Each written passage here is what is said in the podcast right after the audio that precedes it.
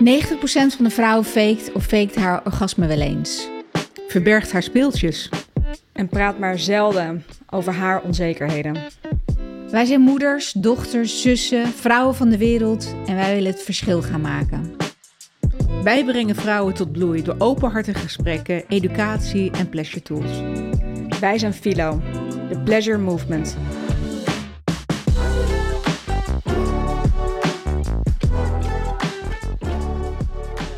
Nou, daar zitten we weer. Nou, vandaag eigenlijk wel leuk, hè? want meestal zitten we hier met vrouwen. En Ja. eindelijk, eindelijk zitten we een keer met een man eh, vanochtend. Dus dat eh, vinden we ook wel een keer gezellig. En wat voor een man, want je bent ook net nog eens vader eh, eh, geworden. Eh, eh, dus gefeliciteerd Ja, daarmee. gefeliciteerd. met die hele kleine mooie wolken van jullie.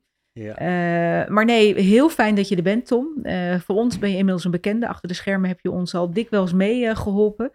Maar eh, de eerste introductie voor de Philo-luisteraars. Dus Tom, met wie hebben wij het genoegen? Ja, bedankt voor de introductie, Paulien. Ik eh, ben eh, Tom, eh, ook wel als eh dokter Tom bekend bij Philo. Zo noemen we je allemaal, hè? Ja. Het gaat ja, altijd ja, over dokter beetje, Tom, eh, dokter Tom. Dat heeft een beetje zijn eigen leventje gaan, gaan leiden bijna. Maar ehm, nee, ik, eh, ehm, ja, ik ben dus arts, een aantal jaar al. En ik heb ervaring opgedaan, zowel binnen als buiten het ziekenhuis. En een van de vakgebieden die ik interessant vind en waar ik me in verdiep, is de seksuologie. En ik zie ook, merk ook om me heen overal dat er toch best wel veel eh, dingen niet goed begrepen worden of taboes heersen. ehm, wat eigenlijk zonde is. En daarvoor eh, zijn we eigenlijk bij elkaar ooit eh, zijn we met elkaar in contact gekomen. En ehm, eh, help ik enerzijds met ontwikkelen van, het ontwikkelen van de fijne tools die Philo gaat aanbieden. En anderzijds ehm, ook om informatie te geven hè, over wat is seksualiteit Zeker. nou, hoe werkt het menselijk lichaam en die samenwerking met de geest. Ja. En ehm, Nou ja, ja. daar wat eh, hulp en ondersteuning in te bieden waar mogelijk. Ja, nou ja, wij voelen ons dan ook heel sterk eh, eh, eh, eh, verbonden hè, door deze eh, samenwerking. Dus eh, nogmaals, heel fijn dat jullie, of dat jij er vandaag bent en dat je ons en de luisteraars eh, wat, eh, wat wegwijs wil maken in de wonderenwereld van het vrouwelijke lichaam. Het onderwerp van vandaag is eigenlijk een onderwerp waar best wel een taboe op heerst. En misschien ook wel Zeker. de grond leggen van waarom wij Philo zijn eh, begonnen. Heeft eh, zeker er altijd in eh, bijgedragen. Eh, namelijk het vrouwelijke orgasme, het klaarkomen bij vrouw, het hoogtepunt bereiken van een eh, vrouw. Ehm, en ik, ik stel er maar meteen, eh, Tom, eh, zou jij ons kunnen vertellen wat nou een vrouwelijk orgasme in? Wat houdt dat nou in? Eh, ja, dat kan ik zeker. Althans, ik zal zeker mijn best gaan doen. Maar wat misschien interessant is om eigenlijk eerst even terug te gaan in de geschiedenis van de vrouwelijke seksualiteit. Want het vrouwelijk orgasme is niet iets wat, eh, helaas niet iets wat al honderden of duizenden jaren even eh, ja, belangrijk wordt gezien als eh, bij ons. Mhm. Dus eh, ik dacht, misschien kunnen we eerst de vrouwelijke seksualiteit induiken. Ja, lijkt Nou, me een goed mee, idee. geschiedenis. Ja. wat, weten, ja. wat weten jullie eigenlijk van de vrouwelijke seksualiteit? Nou, weet je, we hebben natuurlijk al best wel wat podcasts gehad. En eh, het mooie is dat we Philo ook onder andere met mijn dochter doen. Dus eh, die heeft daar in, eh, in, in alle eerlijkheid mij ook verteld van... joh mam, je hebt mij heel weinig bij de hand genomen en verteld Ja. over hoe en wat. Dus als je mij vraagt, wa- wat weten jullie van seksualiteit? Dan kan ik hem vooral mijn eigen ervaring. Dat is wat Ja. ik weet. Maar wat ik ook weet is dat steeds meer, door wat we voor Philo werken, dat we erover praten. Maar ik denk dat ik absoluut schuldig ben dat ik er niet genoeg van af weet. Eh, eh, Nee. bedoel, ik, Ja, en ik denk ook dat wat jij zegt, de afgelopen maanden hebben we er steeds meer nog over geleerd. Terwijl we misschien Mhm. dachten er best wat van te weten. Ja. En mede door jou ook. eh, en af en toe met de onderzoeken waarmee je ons om de oren slaat. Dat we dan denken, oh oké, eh, ik moet ook zeggen, ik heb er heel veel van geleerd eh, Ja. de afgelopen maanden. En ik ben heel benieuwd, ook eh, als jij zegt van nou, we gaan even terug naar het begin. Want Ja. daar hebben we eigenlijk nog helemaal niet Nou, bij stilgestaan. ik denk wat, wat, ik spreek even voor ons beiden. Oh, oké. Ja, ja. dat we in ieder geval kunnen zeggen dat het niet enkel eh, voor eh, voortplanting is hè, om, om gemeenschap te hebben, maar dat het ook iets is waar je van mag genieten. Ja. Dus ik denk Exact. dat we die fase al. Nee, eh, dat hè, dat dat en dat het gezond eh, ook en natuurlijk met name dat voor je is. gezond, weet je. Vinden we heel belangrijk ja, ook. ja, dus daar horen we ook eh, alles over eh, straks graag. Hoe gezond het is om een orgasme te krijgen. Ja. Maar ehm, nee, neem ons mee. eh, de geschiedenis van het vrouwelijke lijf, van het vrouwelijke lichaam. Nou, jullie zijn niet eh, de enige. Eigenlijk is Oh. vrouwelijke seksualiteit pas in de helft van vorige eeuw voor het eerst wetenschappelijk onderzocht. De mannelijke seksualiteit, eh, de penis, eh, die is al vele eeuwen daarvoor, toen de wetenschap echt op gang kwam, eh, onderzocht. Uh, dat heeft eigenlijk misschien dat heeft eigenlijk meerdere redenen. Ehm, ten eerste is er in de geneeskunde eigenlijk altijd vanuit de man geredeneerd. Dus eh, de, de, artsen waren man. Je mocht Ja. geen, eh, als vrouw mocht je geen arts zijn. Nee. Nou, de man kijkt alleen maar naar de man. Dat zie je ook wel terug in alle anatomieboeken en alle geneeskundeboeken. Bijvoorbeeld die bekende eh, afbeelding van Leonardo da Vinci, de mens van Vitruvius. Dus die foto, Ja. die, eigenlijk die schets waar een man in allemaal verschillende Ja. houdingen met zijn armen en benen uit elkaar zit staan. Nou, dat is heel typerend, alleen maar man, man, man. Eh, daarnaast onderzochten de artsen, eh, die gezochten, onderzochten lichamen. Mhm. En die lichamen, die kregen ze door, ehm, niet doordat mensen zich hun lichaam afstonden aan de wetenschap, maar door criminelen die ter dood veroordeeld werden. Die gingen daarna naar de artsen toe en die konden ze gaan ontleden. Nou ja, de mannelijke criminelen, die, ja, eigenlijk de meeste criminelen die ter dood werden veroordeeld, waren allemaal man. Ja. Dus daar is een overschot aan. Eh, en die hebben ze dus gewoon haarfijn onderzocht. Nou, de vrouwen dus eigenlijk niet. Daarnaast hangt het mannelijke geslachtsorgaan buiten het lichaam. Dus die is vrij makkelijk te onderzoeken. Ja. En voor een vrouw is het allemaal toch een stuk inwendiger. Minder opzichtig, ja. Minder opzichtig, Ja. ja. Ehm, dus er zijn eigenlijk verschillende oorzaken of redenen waardoor die, dat onderzoek naar de vrouwelijke seksualiteit pas een stuk later op gang kwam. ja. Eh, dat kwam pas eigenlijk in de jaren 50 toch, dus tot gang.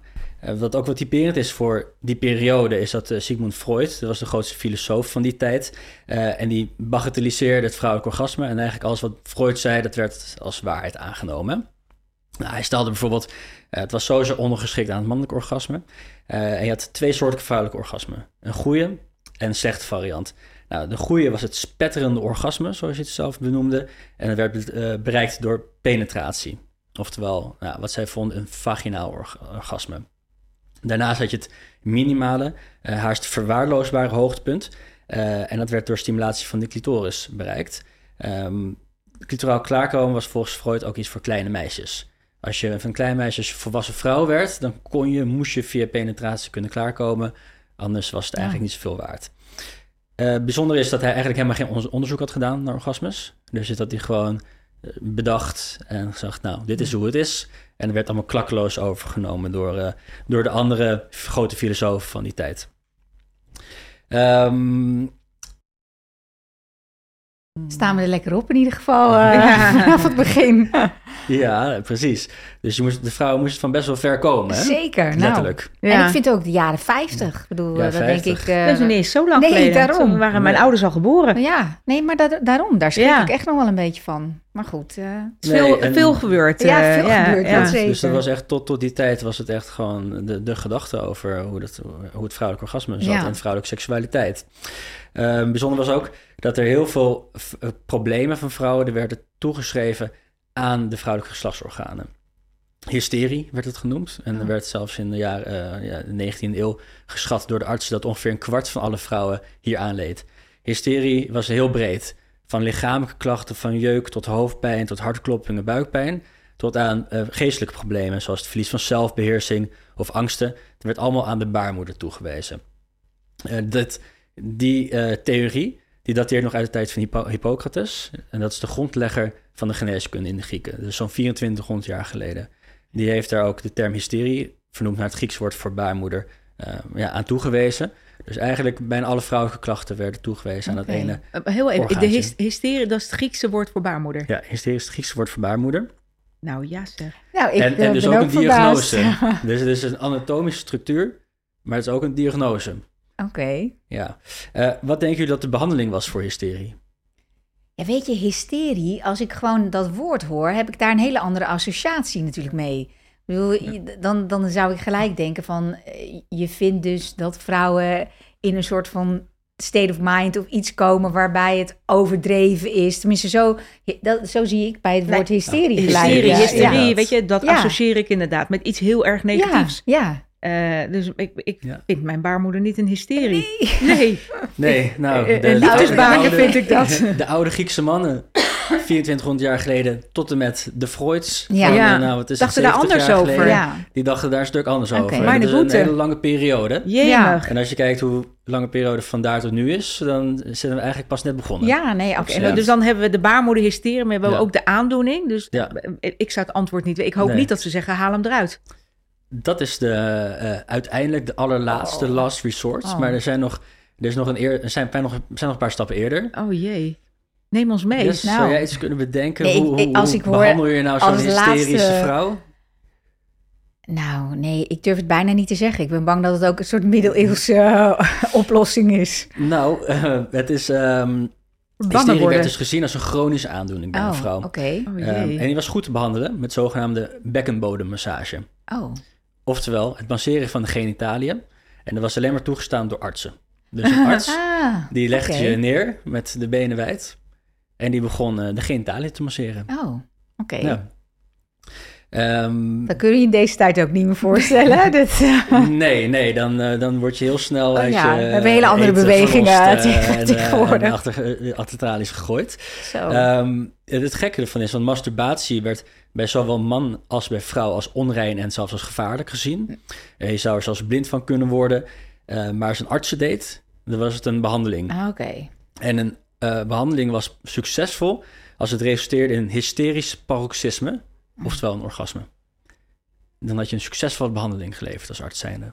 Nou, Het enige, ik vind het ongelooflijk interessant, maar wat ik ervan leer is inderdaad, als je in een bepaalde gemoedstoestand bent, en hysterisch dat associeer ik een beetje met depressief, niet lekker in je vel zitten, dan zou het krijgen van een orgasme dus een goed medicijn zijn. Dan zou Ja, dat- zo van zie ik het ook, Een goed ja. medicijn zijn. Ja, inderdaad, ja, nou laat ik hem zo positief Ja. vertalen Ja, dan. ja. Hij werd in die tijd wel dus ook voor kleine dingen als jeuk Ja, of eh, eh, hoofdpijn. Nou Oké. ja, genoeg dingen eh al toe, al toe eh, gepast. nou ja, als je het dan zelf Ja. niet mag doen, kun je in ieder geval hoofdpijn Ja. faken en dan Ja. een positief eindresultaat dat eh, is zeker ook eh, een eh, mogelijkheid.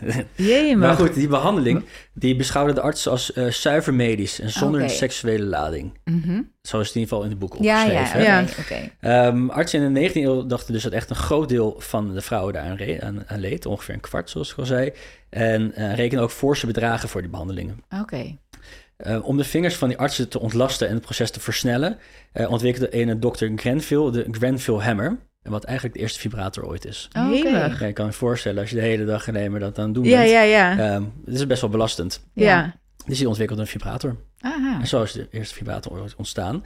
Ehm, deze was vooral trek in, in, trek in luxueuze, luxueuze eh, behandeloorden. Denk aan eh, Zwitserland, eh, Frankrijk, waar mensen, vrouwen dan heen gingen. En die gingen daar dan, nou, werden een periode behandeld. Een soort en van kwamen spa. herboren, ja. kwamen ze weer Maar hebben we het over de jaren 50 hier, hè? Ja, in de 19e eeuw. Ja. Ja. 19e eeuw, dus eh, tot nou, ja, 1800, 1900, begin jaren 1900, zodat het allemaal nog werd gedaan. Dus het was een dure behandeling, hè? Ja. Dus het was wel voor enigszins bepaalde elitair, groep alleen maar bepaalde weggelegd, was het zeg maar. weggelegd, ja. Dat wisten wij niet eens. Ja. Nee. Nee. Hier is trouwens ook een eh, komische film over gemaakt, Hysteria. Ja. Oh. Die kun je terugzien, dan zie je het ook allemaal. eh, met posters en zo werden de behandelingen om aangeprezen op straat. Oh. Met, eh, eh, met, met dat apparaat, de Grenville Hammer erbij. Oh. Ja, Nou, zo is het. ik weet dat ik naar vanavond ga kijken. Ja, ja. Ja, je hebt weer wat te doen vanavond. een eh. goede tip. Nou, bood dit alles nou onvoldoende effect, hè? de manuele eh, behandeling Mhm. of eh, middels die, eh, die, die, die hammer, dan eh, ehm, konden vrouwen die echt aan ernstige hysteria leden nog in een tehuis worden geplaatst, gewoon in een afgesloten inrichting eigenlijk worden opgenomen. En als laatste middel kon nog de baarmoeder worden verwijderd zelfs, in de hoop dan alle problemen zouden zijn verdwenen. Oké. Dat je zeker Ja. weet dat ze in een depressie raakt. Als je, Ja. In ieder geval de overgang, als alles weg wordt Nou gehaald. Ja, ja, als ook de precies. eierstokken Ja. meegenomen worden. Ja, met wat psychoses, maar ook dingen als overgang, gewoon normale natuurlijk processen. Met, eh, ja, een beetje een Bizar. Maar eigenlijk eh, komt het ook voort, wat ik jou hoor zeggen, doordat er zo ongelooflijk weinig kennis was van het vrouwelijk lichaam. Absoluut. Ja, ze wisten eigenlijk heel weinig. Ja, Heel weinig tot niks. En dan, althans eh, de seksualiteit rondom ja. het vrouwelijk dan lichaam. hebben Ja. ze iets van een, een arts-filosoof uit 24, eh, 400 voor Christus, 2400 jaar geleden. ja, dat hebben ze zo'n waarheid stempel. aangenomen Ja. dan, hè? En dan ga je daarop door. Ja. Ja, dus dat is wel, dat is wel bijzonder. Eh, maar gelukkig kwamen er dus in de jaren 50 ehm, vanuit de wetenschap steeds meer interesse in het vrouwelijk orgasme. Een pionier daarin was eh, William Masters, dat is een gynaecoloog, en zijn assistente eh, Virginia Johnson. En ze begonnen met een groot onderzoek naar de fysiologie, dus echt Mhm. hoe werkt seks nou. Eh, dit onderzoek begon vrij loesje in een, eh, in een bordeel. En daar hadden ze eigenlijk seksende, of tenminste stelletjes, gingen ze onderzoeken terwijl ze seks hadden met elkaar, maar ook terwijl ze aan het masturberen waren. En gingen Ja. ze ook naar de hersenactiviteit kijken.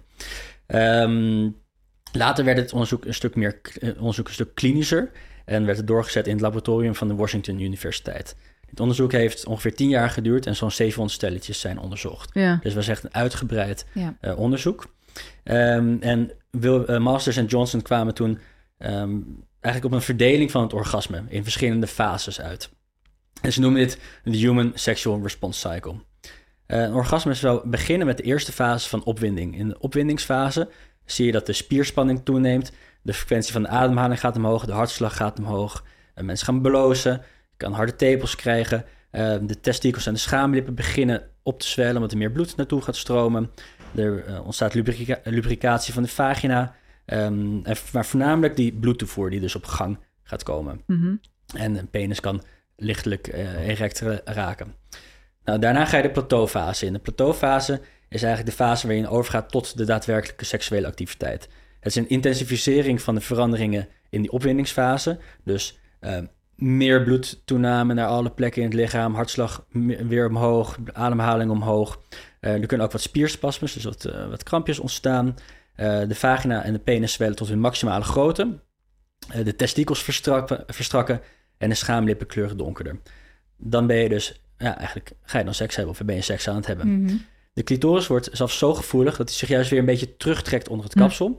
Om direct contact met de penis eh, te beperken. Omdat het anders zelfs pijnlijk zou kunnen worden. Mhm. Die plateaufase, dus het seks hebben, eh, de seks hebben fase, die duurt bij een man gemiddeld 5 tot 6 minuten. Mhm. Bij een vrouw zit er een enorme variatie tussen. Mhm. En dat kan van nou ja, tientallen seconden tot eh, tientallen minuten duren. Voordat er over wordt gegaan, als er wordt overgegaan, naar de orgasmefase.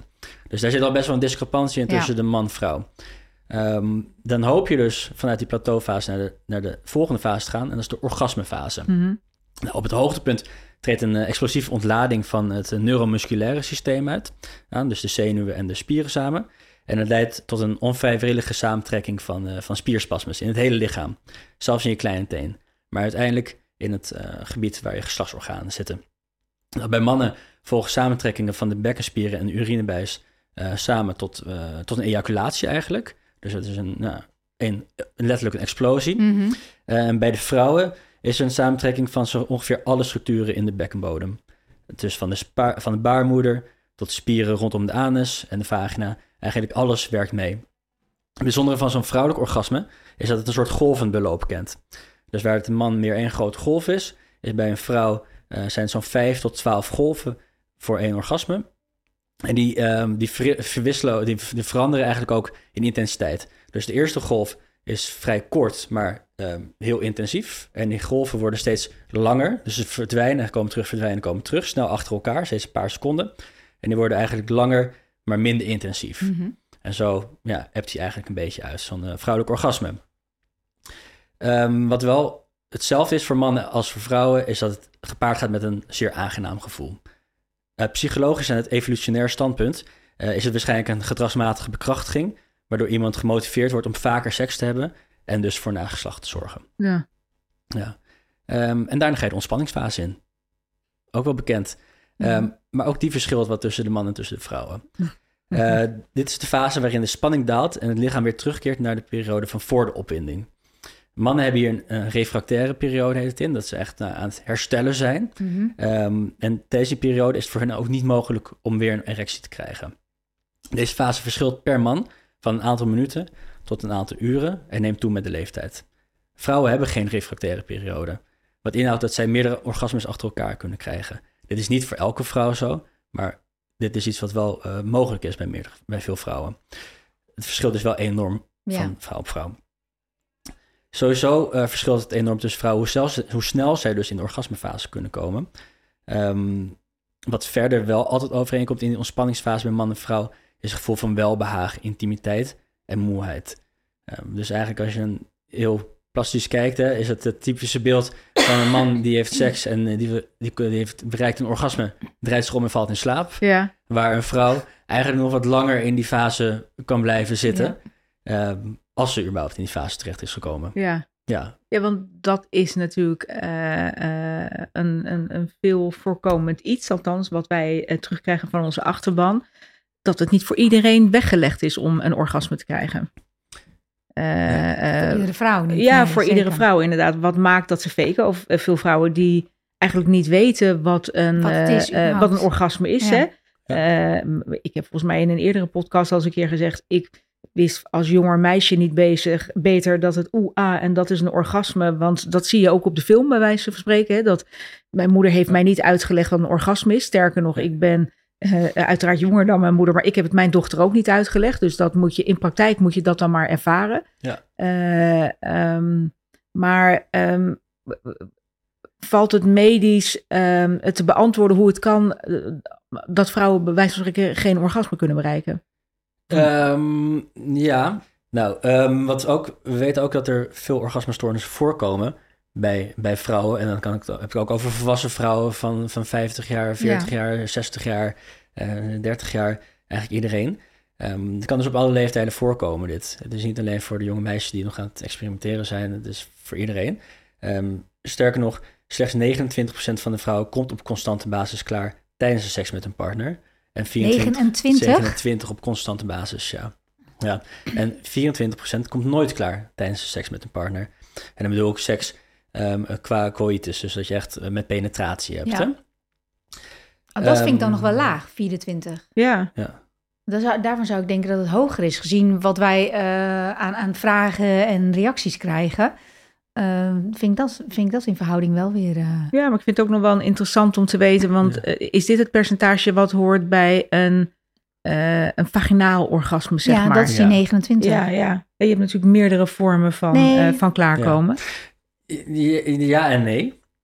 Ehm, er wordt inderdaad, vroeger werd er, zoals ook Freud het deed, hè, het orgasme onderverdeeld in een vaginaal en een clitoraal orgasme.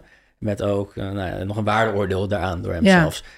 En een anaal klaarkomen was er denk ik ook nog, maar misschien dat Ja, daar in het nou, verleden het niet over gesproken werd. Nee, daar werd, daar, daar, daar, zo ver was eh Nee. Freud in ieder geval Nee. niet in Die zijn, hadden ze eh, nog niet gevonden. Nee, nee. Ehm, uit, uit een nieuw onderzoek is eigenlijk gebleken dat de clitoris is een stuk groter orgasme, of een soort- stuk groter orgaan dan, Mhm. eh, dan dat werd gedacht. Hè. Vroeger Ja. dacht, werd er gedacht dat het puntje van de clitoris, dat was het. Ja. En een soort mythisch plekje waar alle zenuwuiteindes bij elkaar komen. En ehm, dat is eigenlijk het, eh het clitoraal Ja. gedeelte. En dan heb je de vagina. Nou blijkt, ehm, en dat weten we echt pas sinds een jaartje of twintig, hebben ze de clitoris helemaal eh, ja, Ontleed. ontleed eigenlijk. Opgeblazen en kijken wat is er nou, wat voor vorm is er Ja. nou over. En het is letterlijk het puntje van de ijsberg wat we zien aan de buitenkant van de vagina. Clitoris is een zwellichaam, hetzelfde als dat in de penis zit. En die loopt dus ook helemaal zo naar achter langs door. En het heeft uitlopers van ongeveer 9 centimeter aan beide kanten. Mhm. En daaromheen lopen ook allemaal zenuwuiteindes. Mhm. Er lopen gigantisch dikke zenuwbanen allemaal daarheen. Echt, als je, je kan het met het oog kan je ze zien als je het zou ontleden. Ehm, en dat zorgt ervoor dat er zo, ja, zo'n hoge densiteit is qua, Ja. qua zenuw. Ehm, het vaginale, zogenaamde vaginale orgasme gaat ook via dat deel van de clitoris en de Mhm. stimulatie daarvan. Dus er is eigenlijk helemaal fysiologisch gezien, dat is ook waar Masters en Johnson op kwamen met hun onderzoek, is dat er fysiologisch gezien helemaal geen verschil is tussen een clitoraal en een vaginaal orgasme. Conclusie daarvan was eh, ook, of tenminste een andere conclusie die ze trokken eigenlijk, is dat er ook geen verschil was tussen een orgasme bij masturbatie als bij seks met je partner. Voor de vrouwen. Mhm.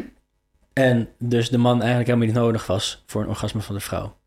En dat was ook baanbrekend. En dat heeft eigenlijk toegeleid in nou, rond 1952, toen het dan uitkwam, dat ehm, de eh, vrouwelijke seksuele emancipatie op gang kwam.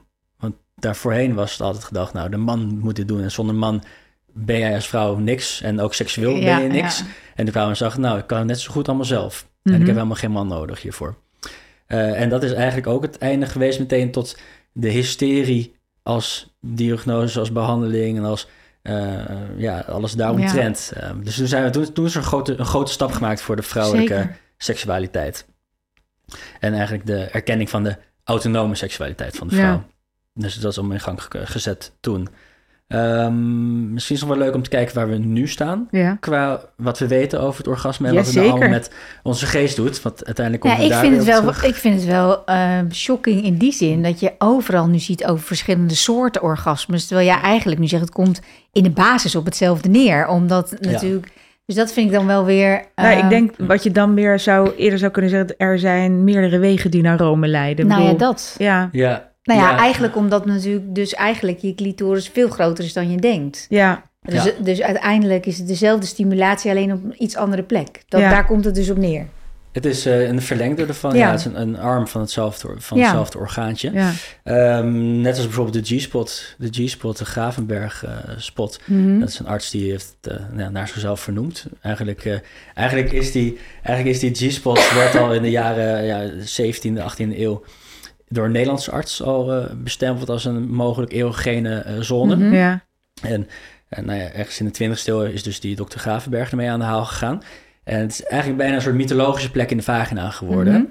Een plekje en als je daar maar een goede beweging om maakt... dan komt een vrouw eh, binnen een paar minuten klaar. Magisch. Ja, Nou, dat blijkt...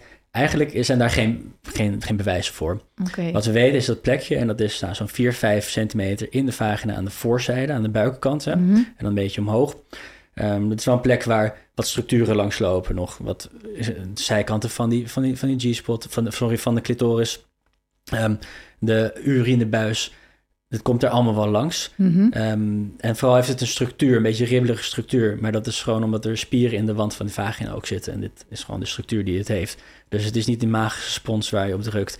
En, Gewoon een eh, heel druk kruispunt Ja, van de ja. vrouwen. een kruispunt, Ja. waardoor er veel, eh, ja, veel Gebeurt. signalen veel Ja, gebeurt. ja. Ja. Maar het is niet zo magisch. En, En de snelle reactie krijgt. precies, en mensen hopen het, hè, want mensen willen altijd zo Ja, snel ja. mogelijk naar, eh, zo makkelijk mogelijk op de juiste plek komen. Ja. Ja. Dus die moeten we helaas ontkrachten. Wat je moet zien, je moet de hele vagina... Die Gravenberg toch? Ja, die Ja. gravenberg. Ja, je moet de hele, de hele vulva eigenlijk, dus alles om de vagina heen, dan moet je als één geheel zien. Ja. ja. En ehm, ja, de clitoris, het uiteinde daarvan, dat is eigenlijk de, de snelste weg dan Ja. voor de meeste vrouwen in Rome. Maar ook daar zit een enorme diversiteit tussen. Ja. Ja. Ehm, sommige, jullie vast ook met je vriendin hebben over gehad, dat de een kan wel door penetratie klaarkomen, de andere kan absoluut niet door penetratie klaarkomen. En Mhm. zo zegt die getallen zijn eigenlijk best wel laag voor de vrouwen die wel Oh, ja. Dan ga ik je heel even in de Ja. reden vallen. Daar praten Ja. eh, wij vrouwen niet heel veel over. Dat zou misschien wel eh, wat meer, eh, wat meer Duidelijkheid geven. Nou Nee. ja, nee. eh, is, is het schaamte of taboe? Ik weet niet wat het is, maar... Nou, ik denk eerder taboe. Het Ja. is gewoon niet iets waar je heel makkelijk eh, over praat met je Nee. vriendin. Ik denk mannen daar zijn daar veel opener in onderling. daar- Tenminste, we kijken jou dan even aan eh, in deze. Nee, daar, daar zijn mannen dan weer heel mans eigen in, denk ik. Ja. Want ik denk dat als je de, alle mannen vraagt, dan zijn ze 100% overtuigd dat ze allemaal via penetratie een orgasme eh, Kunnen uitdelen aan de vrouw. realiseren. Ja. Alleen als je naar Ja. de cijfers kijkt, is dat toch niet zo. Niet helemaal Nee, het nee. geval. Nou ja, dat, Nee. Ja, dat en bewijs je nu maar weer. Laten we eerlijk zijn. Ik bedoel, hoeveel eh, vrouwen... Heb, hey, je kijkt me aan alsof ik jou persoonlijk... Maar dat wou ik niet zeggen hoor. Maar hoeveel vrouwen zijn er niet de afgelopen maanden op ons pad gekomen? Oh, waarbij ja. we echt zijn geschrokken van de combinatie van leeftijd...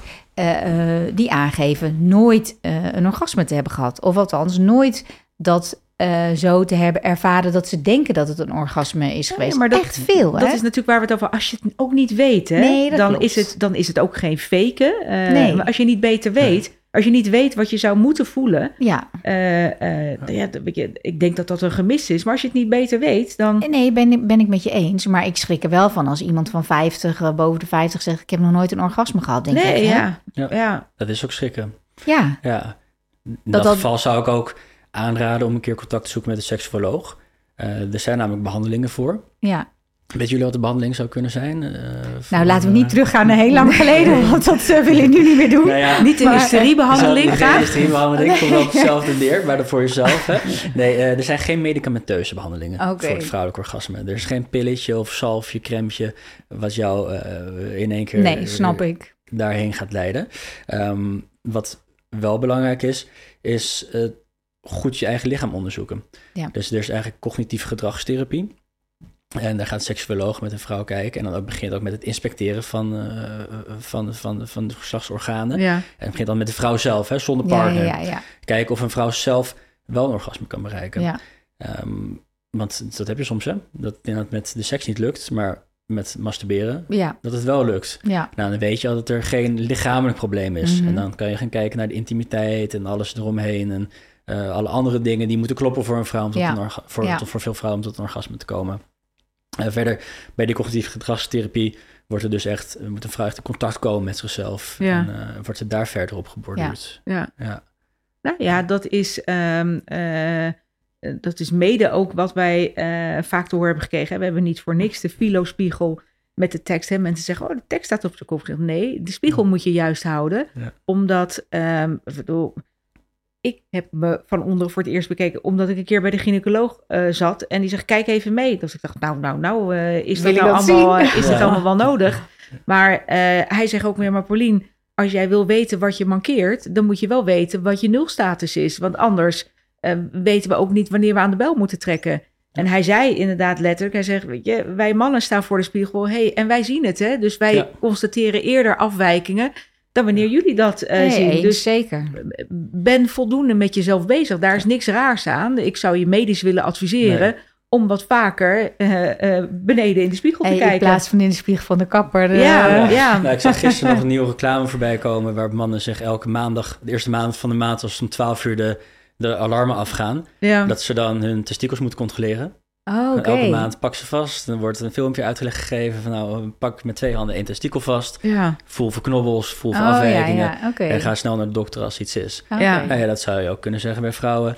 Ehm, überhaupt, Ja. kijk eens een keertje daar naar beneden. Hè? Ja. Want inderdaad, het is een letterlijk laaghangend fruit eh, voor mannen. Ja. Je ziet het hangen en Ja. je kan Ja, nee, meteen, eens. eh, Ja, Ja. nou ja, we, hebben, we werken met onze gynaecoloog ook samen. Ja. En die zegt ook in haar praktijk... eh, eh, laat ze mensen ook echt altijd meekijken. Zegt, dat kan ik niet, niet vaak genoeg zeggen. Zeg, ik, eh, bij mij is het helaas zo dat mensen vaak bij me komen als er een probleem is. Mhm. Maar je kan ook preventief natuurlijk gaan controleren. Dus dat is wel iets wat wij in ons educatief programma mee willen geven aan die, die jonge kuikens die uitbloeien tot mooie zwanen. Om Ja. te, te bekijken, weet je, dit gebeurt er. Weet je, niet alleen je borsten groeien en je krijgt haargroei en je gaat transpireren. En, maar in je buik gaan er ook dingen veranderen. En ook beneden. Ik bedoel, Ja. eh, de vagina van een, eh, een tiener ziet er anders uit eh, eh, na verloop van tijd. Als Ja, je ouder zeker. wordt. eh, eh, en dat zou, hormonaal zal dat eh, zeker Ja. een bijdrage leveren. Maar ook omdat we groeien of omdat we kinderen krijgen. Mhm. Of, maar Ja. het is wel goed om te weten, eh, wat kan je daaromtrent verwacht- verwachten en wanneer Ja. moet je aan de bel Ja, trekken? wanneer moet je aan de bel trekken vooral? Helemaal, helemaal mee eens. Ja. Eh, ik denk dat er echt veel te weinig eh, aandacht in een, in een zichzelf als progressief land ziend eh, eh, Nederland. hè? Ja, het is Ja. toch, dat denk ik dat Ehm, vrouwen zich ja. daarvoor schamen Ja. op een of andere Ja. manier. eh, überhaupt om, dat, om het erover te hebben. Of als iemand dat dan tegen je zegt en je, en je doet het Ja. niet. ehm, ik- ja. Ja. Nou ja, Op een of andere manier conclusie, wat Is het in vrouwen, ja, kijken. nee, snap ik. Maar voor vrouwen toch een beetje een, een, eh, een lastig onderwerp. En wat jij zegt, Mhm. is, mannen zijn veel. Alles is veel duidelijker, makkelijker te zien, te vinden. En, en ja, Ja, en ook zelfs de weg naar het orgasme is vrij recht toe Ja. weg aan voor de Ja. meeste mannen dan. Hè? Ja. Als er geen ziektes of achterliggende dingen spelen. Dus, eh, dat ook, nou dus over die, die behandeling dan nog eventjes voor eh, mensen die, vrouwen die eh, moeite hebben met een orgasme krijgen, of misschien nog nooit een orgasme Mhm. hebben gekregen. Nou, als je die cognitief gedragstherapie ingaat, dan is er zo'n 70 tot 90 procent slagingskans dat je dan wel het orgasme krijgt. Ja, ja, En dan heb je heel veel dingen uitgesloten al. Ja. ja. Nou, op het laatste stadium wordt dan de man erbij gehaald. Als een vrouw zichzelf tot een orgasme heeft kunnen krijgen, Mhm. dan wordt pas de partner erbij gehaald. Ehm, wat ook wel bijzonder is, dat er best wel veel anatomische verschillen natuurlijk tussen de vrouwen zitten. En daar is ehm, Marie Bonaparte, in, eh, ja, ook die rond het begin van de Mhm. 20e eeuw. Dat is een achternichtje van Napoleon. Ja, ja. Dat is een hele vooruitstrevende vrouw, die eh, als een van de eerste vrouwen wetenschappelijk onderzoek deed. Deed ze onder Mhm. een eh, pseudoniem, zodat ze niet, eh, eh, ja, want anders kon het niet. Ja. Nee, een, mannelijk, een mannelijke naam Ja, waarschijnlijk ja, zij wel. was heel seksueel. Behalve dat het niet mocht. Dus ze moesten allemaal ja, huwelijken voor, eh, voor de stand ophouden. Maar eigenlijk vond ze dat helemaal niks. En zij ehm, had een theorie dat de, de afstand tussen de urinebuis en de clitoris... Mhm. hoe dichter dat bij elkaar zit... hoe grotere kans dat iemand een nou ja, vaginaal via penetratieorgasme kan bereiken. Mhm. ja. En hoe groter die afstand is, hoe minder groot die kans is. En die theorie die wordt zeker nog steeds als waarschijnlijk kloppend gezien. Er zijn te weinig onderzoeken naar gedaan om het helemaal goed te kunnen zien. Of tenminste onderzoeken die niet sluitend bewijs hadden. Mhm. Ehm, maar dat, dat, ja, dus sommige vrouwen hebben gewoon meer aanleg moeite, om ja. penetratie. En dat ligt niet aan de man, ligt niet aan de vrouw. Het ligt gewoon aan ja, hoe dat opgebouwd is. Ja. Want Ja. eh, is het ook zo dat de evolutie ervoor voor heeft gezorgd dat de clitoris wat meer, naar bui- eh, wat meer verstopt is geraakt? Dat hij voorheen meer midden in de vagina zat? Nou, er, er zijn wel theorieën dat de hoeveelheid hormonen in de zwangerschap, de androgenen, dus de geslachtshormonen, als die wat hoger zijn, dan kan de clitoris vaak iets meer naar boven gaan staan, Ja. zoals een klein piemeltje eigenlijk. Ja, En dat vermoeilijkt uiteindelijk dan weer een orgasme via penetratie. ja. Maar hoe dat dan evolutionair geregeld is, ja, want Nee. eigenlijk is überhaupt de vraag, hè, wat is het doel van een orgasme bij de vrouw? Nou ja, dat zou mijn vraag Want zijn. je hebt hem niet nodig nee. voor zwangerschap. Anders Nee. zouden er heel weinig kinderen worden geboren. Ja, nee, ja, Nee. nee. Die cijfers blijken, dat Ja. blijkt Ja, dat wel. Nou, zeker. Nee, dus Ja. voor voortplanting hebben we het niet nodig. Hè? Ik bedoel, dat is voor de- mannen Nee. is dat iets anders. Nou, dus idee is, nou net zoals dat je bijvoorbeeld tepels hebt. Ik heb ook tepels, jullie hebben tepels. Nou, ik zal die van mij nooit hoeven te gebruiken. nee, Ehm, zijn er dingen die gewoon op dezelfde manier worden aangelegd en dan gaan ze daar een eigen kant op. ja, Dus zo zal het ook met de geslachtsorganen zijn. Ehm, wat natuurlijk wel wat ik net ook al eventjes zei, is dat het wel een beloningssysteem activeert. Ehm, daar, daar zijn nu ook veel meer onderzoeken eh, naar gedaan. Hè, Mhm. Op, eh, op hormo- hormonaal niveau en Mhm. op eh, hersenniveau. Daar kun ik wel even, even doorheen nemen. mhm. Want daar zie je eigenlijk in dat het beloningssysteem wordt aange... Nou, dan zeker. Ik bedoel, eh, al- als we dan eh, niet van nut zijn, of onze orgasmes niet van nut zijn voor, eh Voor voortplanting, voortplanting, laat ja. ze dan Ja. alsjeblieft ergens anders nuttig voor zijn. ja.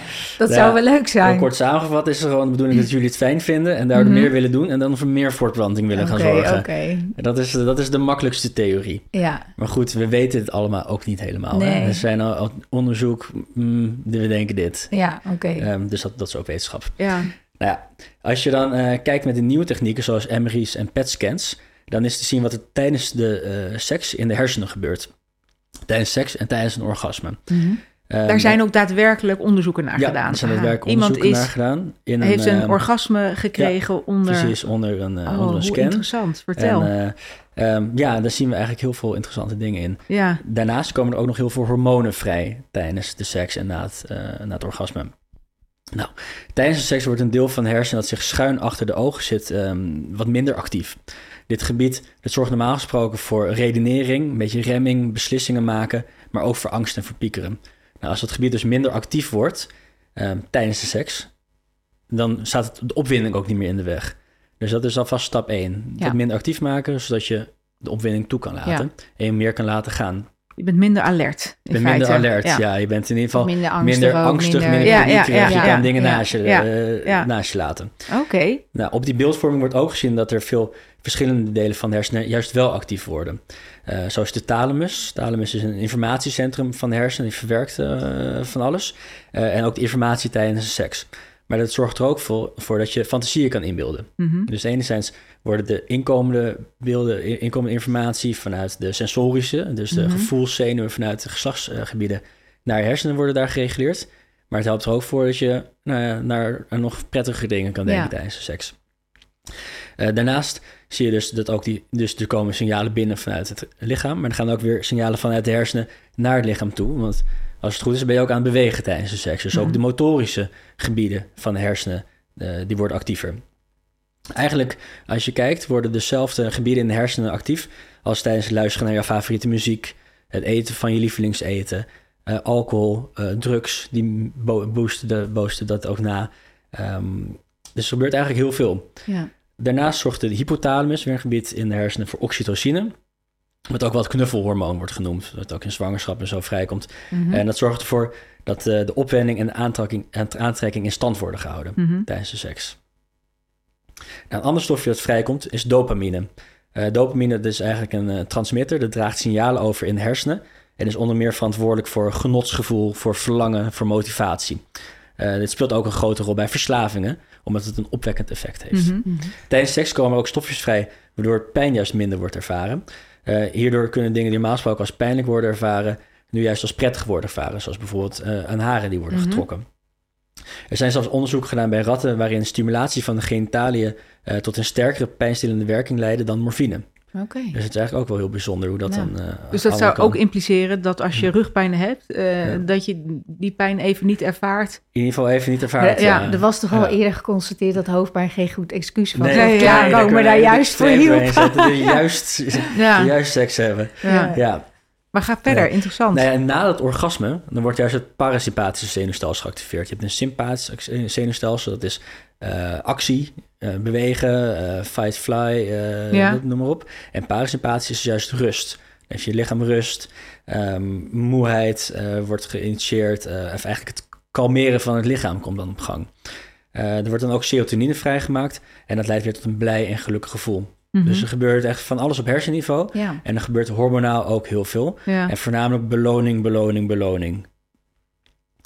Nou, voor de wetenschap is nou niet compleet te verklaren waarom een waar een vrouwelijk orgasme toe dient. Eh, maar het lijkt in ieder geval plezier te geven. ja. En dus het beloningssysteem aan te, eh, aan te Mhm. sporen. En dat lijkt de evolutionaire rol te zijn. Mogelijk helpt het ook nog om de hersenen gezond te houden. Want je gebied, heel veel gebieden worden actief. Houdt in dat er grote hoeveelheden bloed heen, doorheen gaan. Eh, en het als het ware getraind wordt. Ehm, en ja, je zou dus kunnen zeggen dat ook voor gezonde hersenen in de langere termijn... een seks en een orgasme zeker tot eh, positieve effecten kan leiden. Kijk, nu, Ja, gaan we, nu gaan we de goede kant Nou, op. maar weet je, als je dit dan toch beluistert, dan weet je, ik vind ons lijf, ons lichaam al een, eh, een wonder.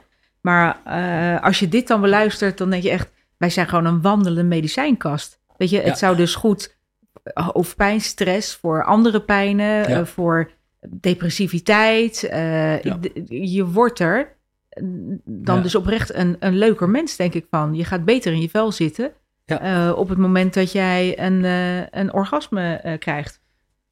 Ja, we hebben daar natuurlijk Ja. al wel eens eerder Ja. met jou over Ja. gehad in de aanloop ook.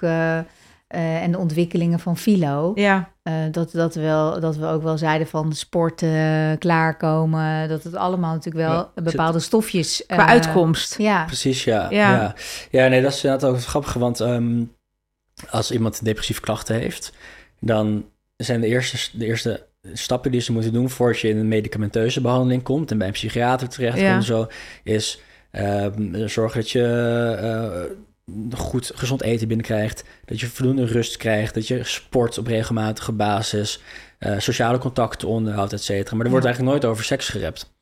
Terwijl als je daar naar kijkt en een gezonde seksuele relatie hebben we dan Ja, over, hè, Ja. dan vind ik het heel veel van Ook die... met jezelf, hè? Of het nou met een partner is of met jezelf. Met jezelf, met je partner is. Ja. Vind ik er toch heel veel eh, van die boxjes af. ja. Je rijdt je er beter door voelen. Ontlading, eh, beweging. Ja. ja, dus dat is ook weer omdat het misschien taboe is, want het is seks.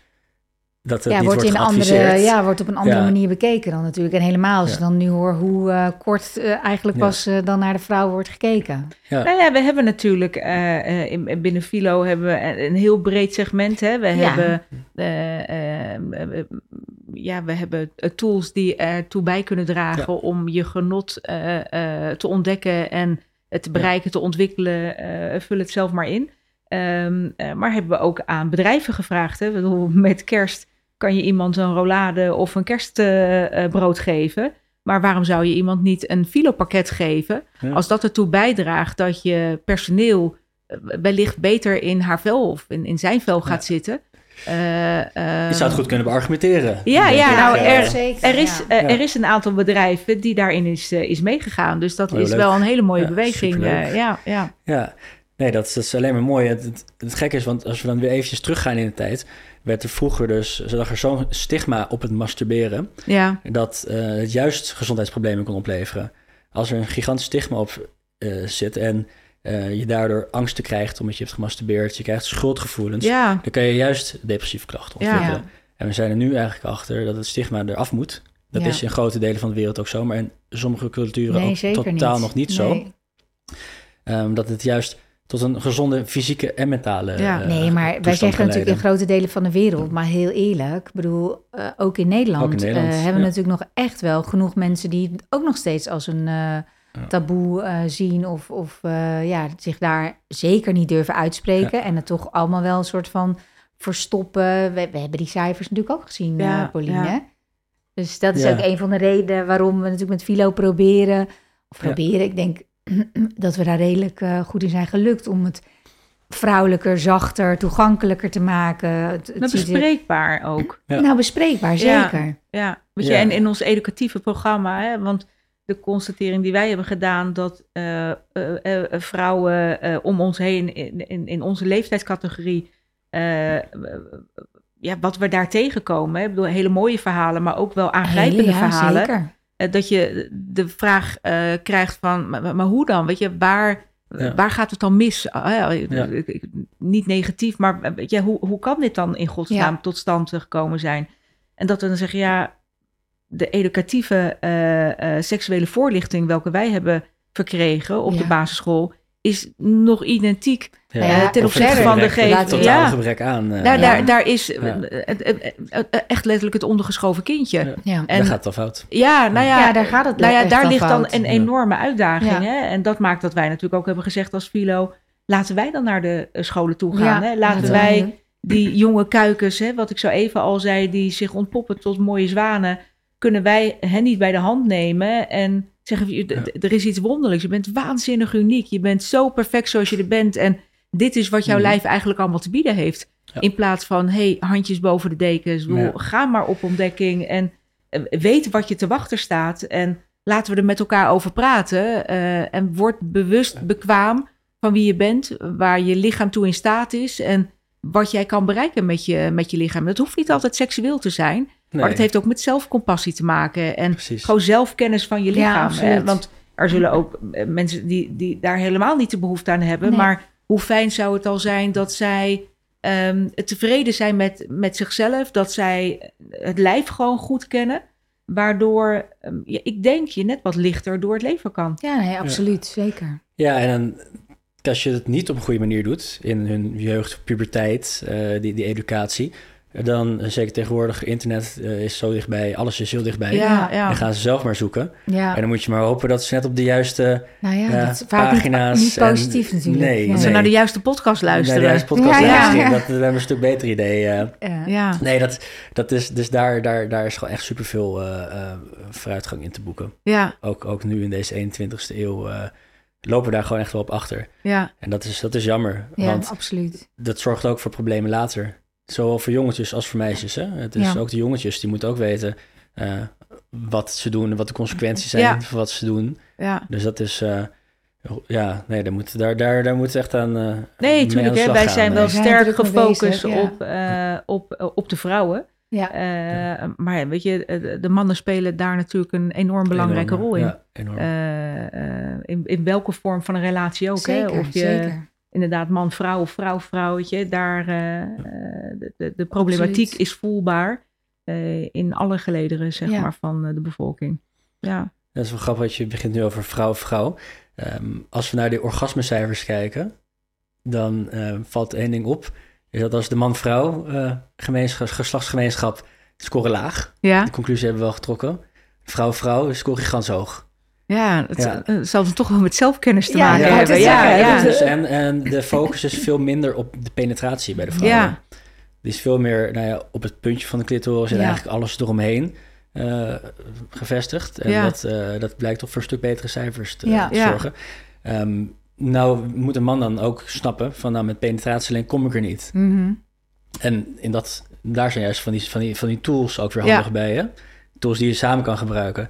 Soms denken mensen wel eens dat het er boel op de tools, tools ligt, dat mannen zich dan ja, minder waardig voelen. beginnen ja, te Ja, voelen. nou, die opmerking krijgen wij ook Ja. wel hoor. ja. Ja. Wil je weet Nou ja, hoe vaak weet, eh, we op een feestje staan en eh, een man zegt... oh, jij maakt van die dingen Ja. die mij vervangen. Die mij overbodig denk, maken, ja, Die mij ja. overbodig Ja, maken. of die eindelijk zijn vrouw... en dat is eh, echt niet... Dat is echt recent, Ja. hè? Recent. Ja, dat is... eh, nou ja, dan zou je kunnen onderbouwen dat het anatomisch gezien... anatomisch Ja. wetenschappelijk onderbouwd is... dat er gewoon ook een heel groot percentage van de vrouwen... niet puur door de penetratie kunnen klaarkomen. Ja. Die Nee. kunnen het gewoon niet. ja. Ja, en ga je dan eh, je trots eh, zo hoog houden... dat je dat belangrijker vindt dan de vrouwelijke plezier... ja, dat is... eh, niet. nou ja, daar, als je daar op 14, 15-jarige leeftijd... al enigszins een klein beetje kennis Ja, en, ja, eh, voorsprongetje in had gegeven? Ja. Ja. Ik bedoel, je hoeft je niet alles uh, haar anders, fijn ja. uit te gaan leggen, maar je kan wel een beetje uitleggen Ja. hoe, het, eh, hoe het een en ander zit.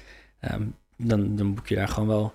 Nou ja, en ook een Ja. oproep aan die stellen, inderdaad, van probeer het ook uit. Hè? Ja. Misschien eh, werkt het wel Ja. voor je, misschien werkt het niet voor je. Maar ik geloof dat je eh, eh, eh, de, de liefde bedrijft, dat je allebei het doel hebt om het diegene heel erg naar de zin te maken. Ja. eh, En een gezonde seksuele relatie. Ja, Ja, en Ja. daar hoort ook een stukje communicatie Ja. en eh, ja, wellicht ook een stukje experiment bij. Precies, en juist het gebrek aan communicatie, dat is het grootste probleem altijd. Hè? Ja. Dat is het grootste probleem. Eh, het niet bespreekbaar maken, durven maken, willen maken, kunnen maken. En dan kom je juist in zo'n visueuze negatieve Ja, terecht, waar het misschien ja, eh, alleen maar voor het genot van de man uiteindelijk uitdraait. En dat de vrouw het maar laat overkomen. Nou, dan snap ik wel dat Ja. een vrouw op een gegeven moment gaat zeggen dat ze hoofdpijn heeft.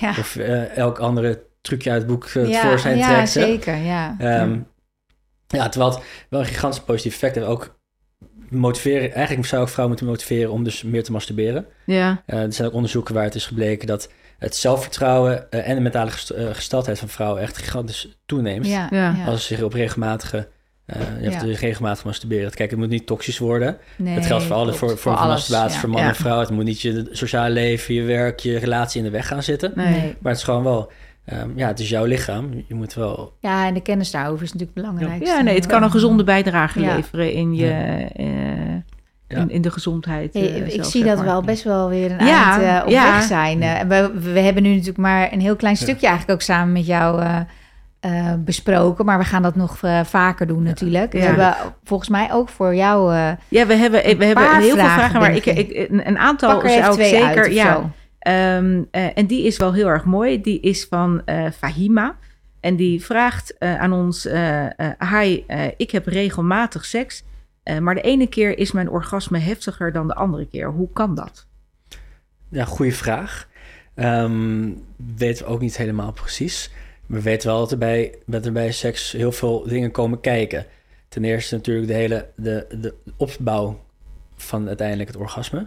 Ehm, die is heel anders. Ja. Je kan, het begint al met jouw eigen... Misschien je eh, gemoedstoestand ook je al wel, hoe je erin eh, gaat. Zeker met je gemoedstoestand, hoe je erin gaat.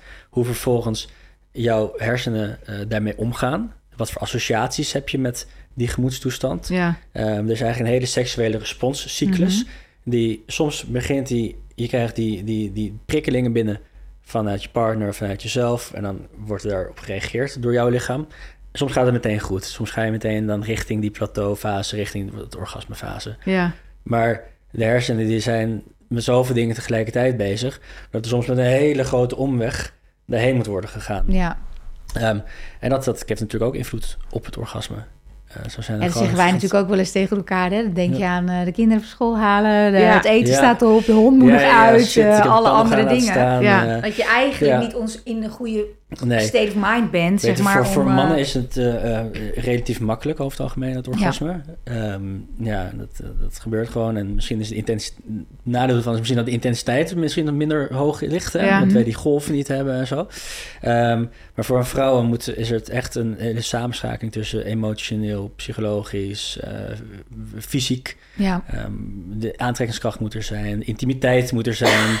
Ehm, ja, daar zit zo'n groot verschil in dat het eigenlijk ook logisch is dat het orgasme ja. zich Dus het is ook sterk afhankelijk van de gemoedstoestand. Het Ja, ja. zeg maar, ja. van ja. de gemoedstoestand. En er zijn zoveel factoren die meespelen. Ja. Dat, Ja. eh, ja, je Ja. kan niet eh, je vinger erop leggen. Ik zou juist zeggen van ja, geniet van alle verschillende ja. soorten, soorten orgasmen. Dat zijn eh, of intensi dit zijn verschillende, verschillende soorten, maar misschien van de intensiteiten Ja, dat- van de ja. orgasmes die je Ja. kan, eh, Ja, ja, kan nee. krijgen. Ja, leuk. ik zie hier nog een hele mooie vraag van Rachel. Rachel, Rachel. Eh, en eigenlijk hebben we het er al over gehad, maar eh, zij zegt ehm, eh, dat zij seksueel actief is, zowel met dames als met, met mannen. Ja.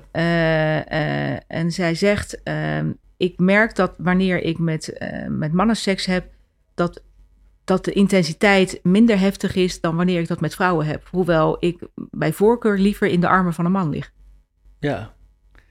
Ja, dat kan. Ja, Ja, eh, eh, en ik, ik denk dat haar vraag dan is, waar komt dat uit voort? Maar eh, ja, dat hebben we eigenlijk al een beetje, een beetje beetje Ja, hè? ja. Ja, dat is, ehm, het is eh, appels met peren vergelijken, denk Ja. ik. Ja. En dat heeft, eh, nou, kennis en kunde, misschien ja, een klein dat beetje. ook, ja. Ja, Interesse, Ja. communicatie. Dat is sowieso, Heel veel dingen. net zoals homoseksualiteit, ehm ja, ander onderwerp. ja, Maar vroeger werd gedacht, je bent hetero of je bent homo. ja, En nu is de gedachte meer een beetje van, nou, op een schaal van 0 tot 100, heb je, dit, is, is, dit is heel erg hetero en dit is heel erg homo. Zie je dat heel veel mensen toch een beetje op 90% of Ja. 80, sommigen op 50, sommigen op 40 Ja, ja. zitten.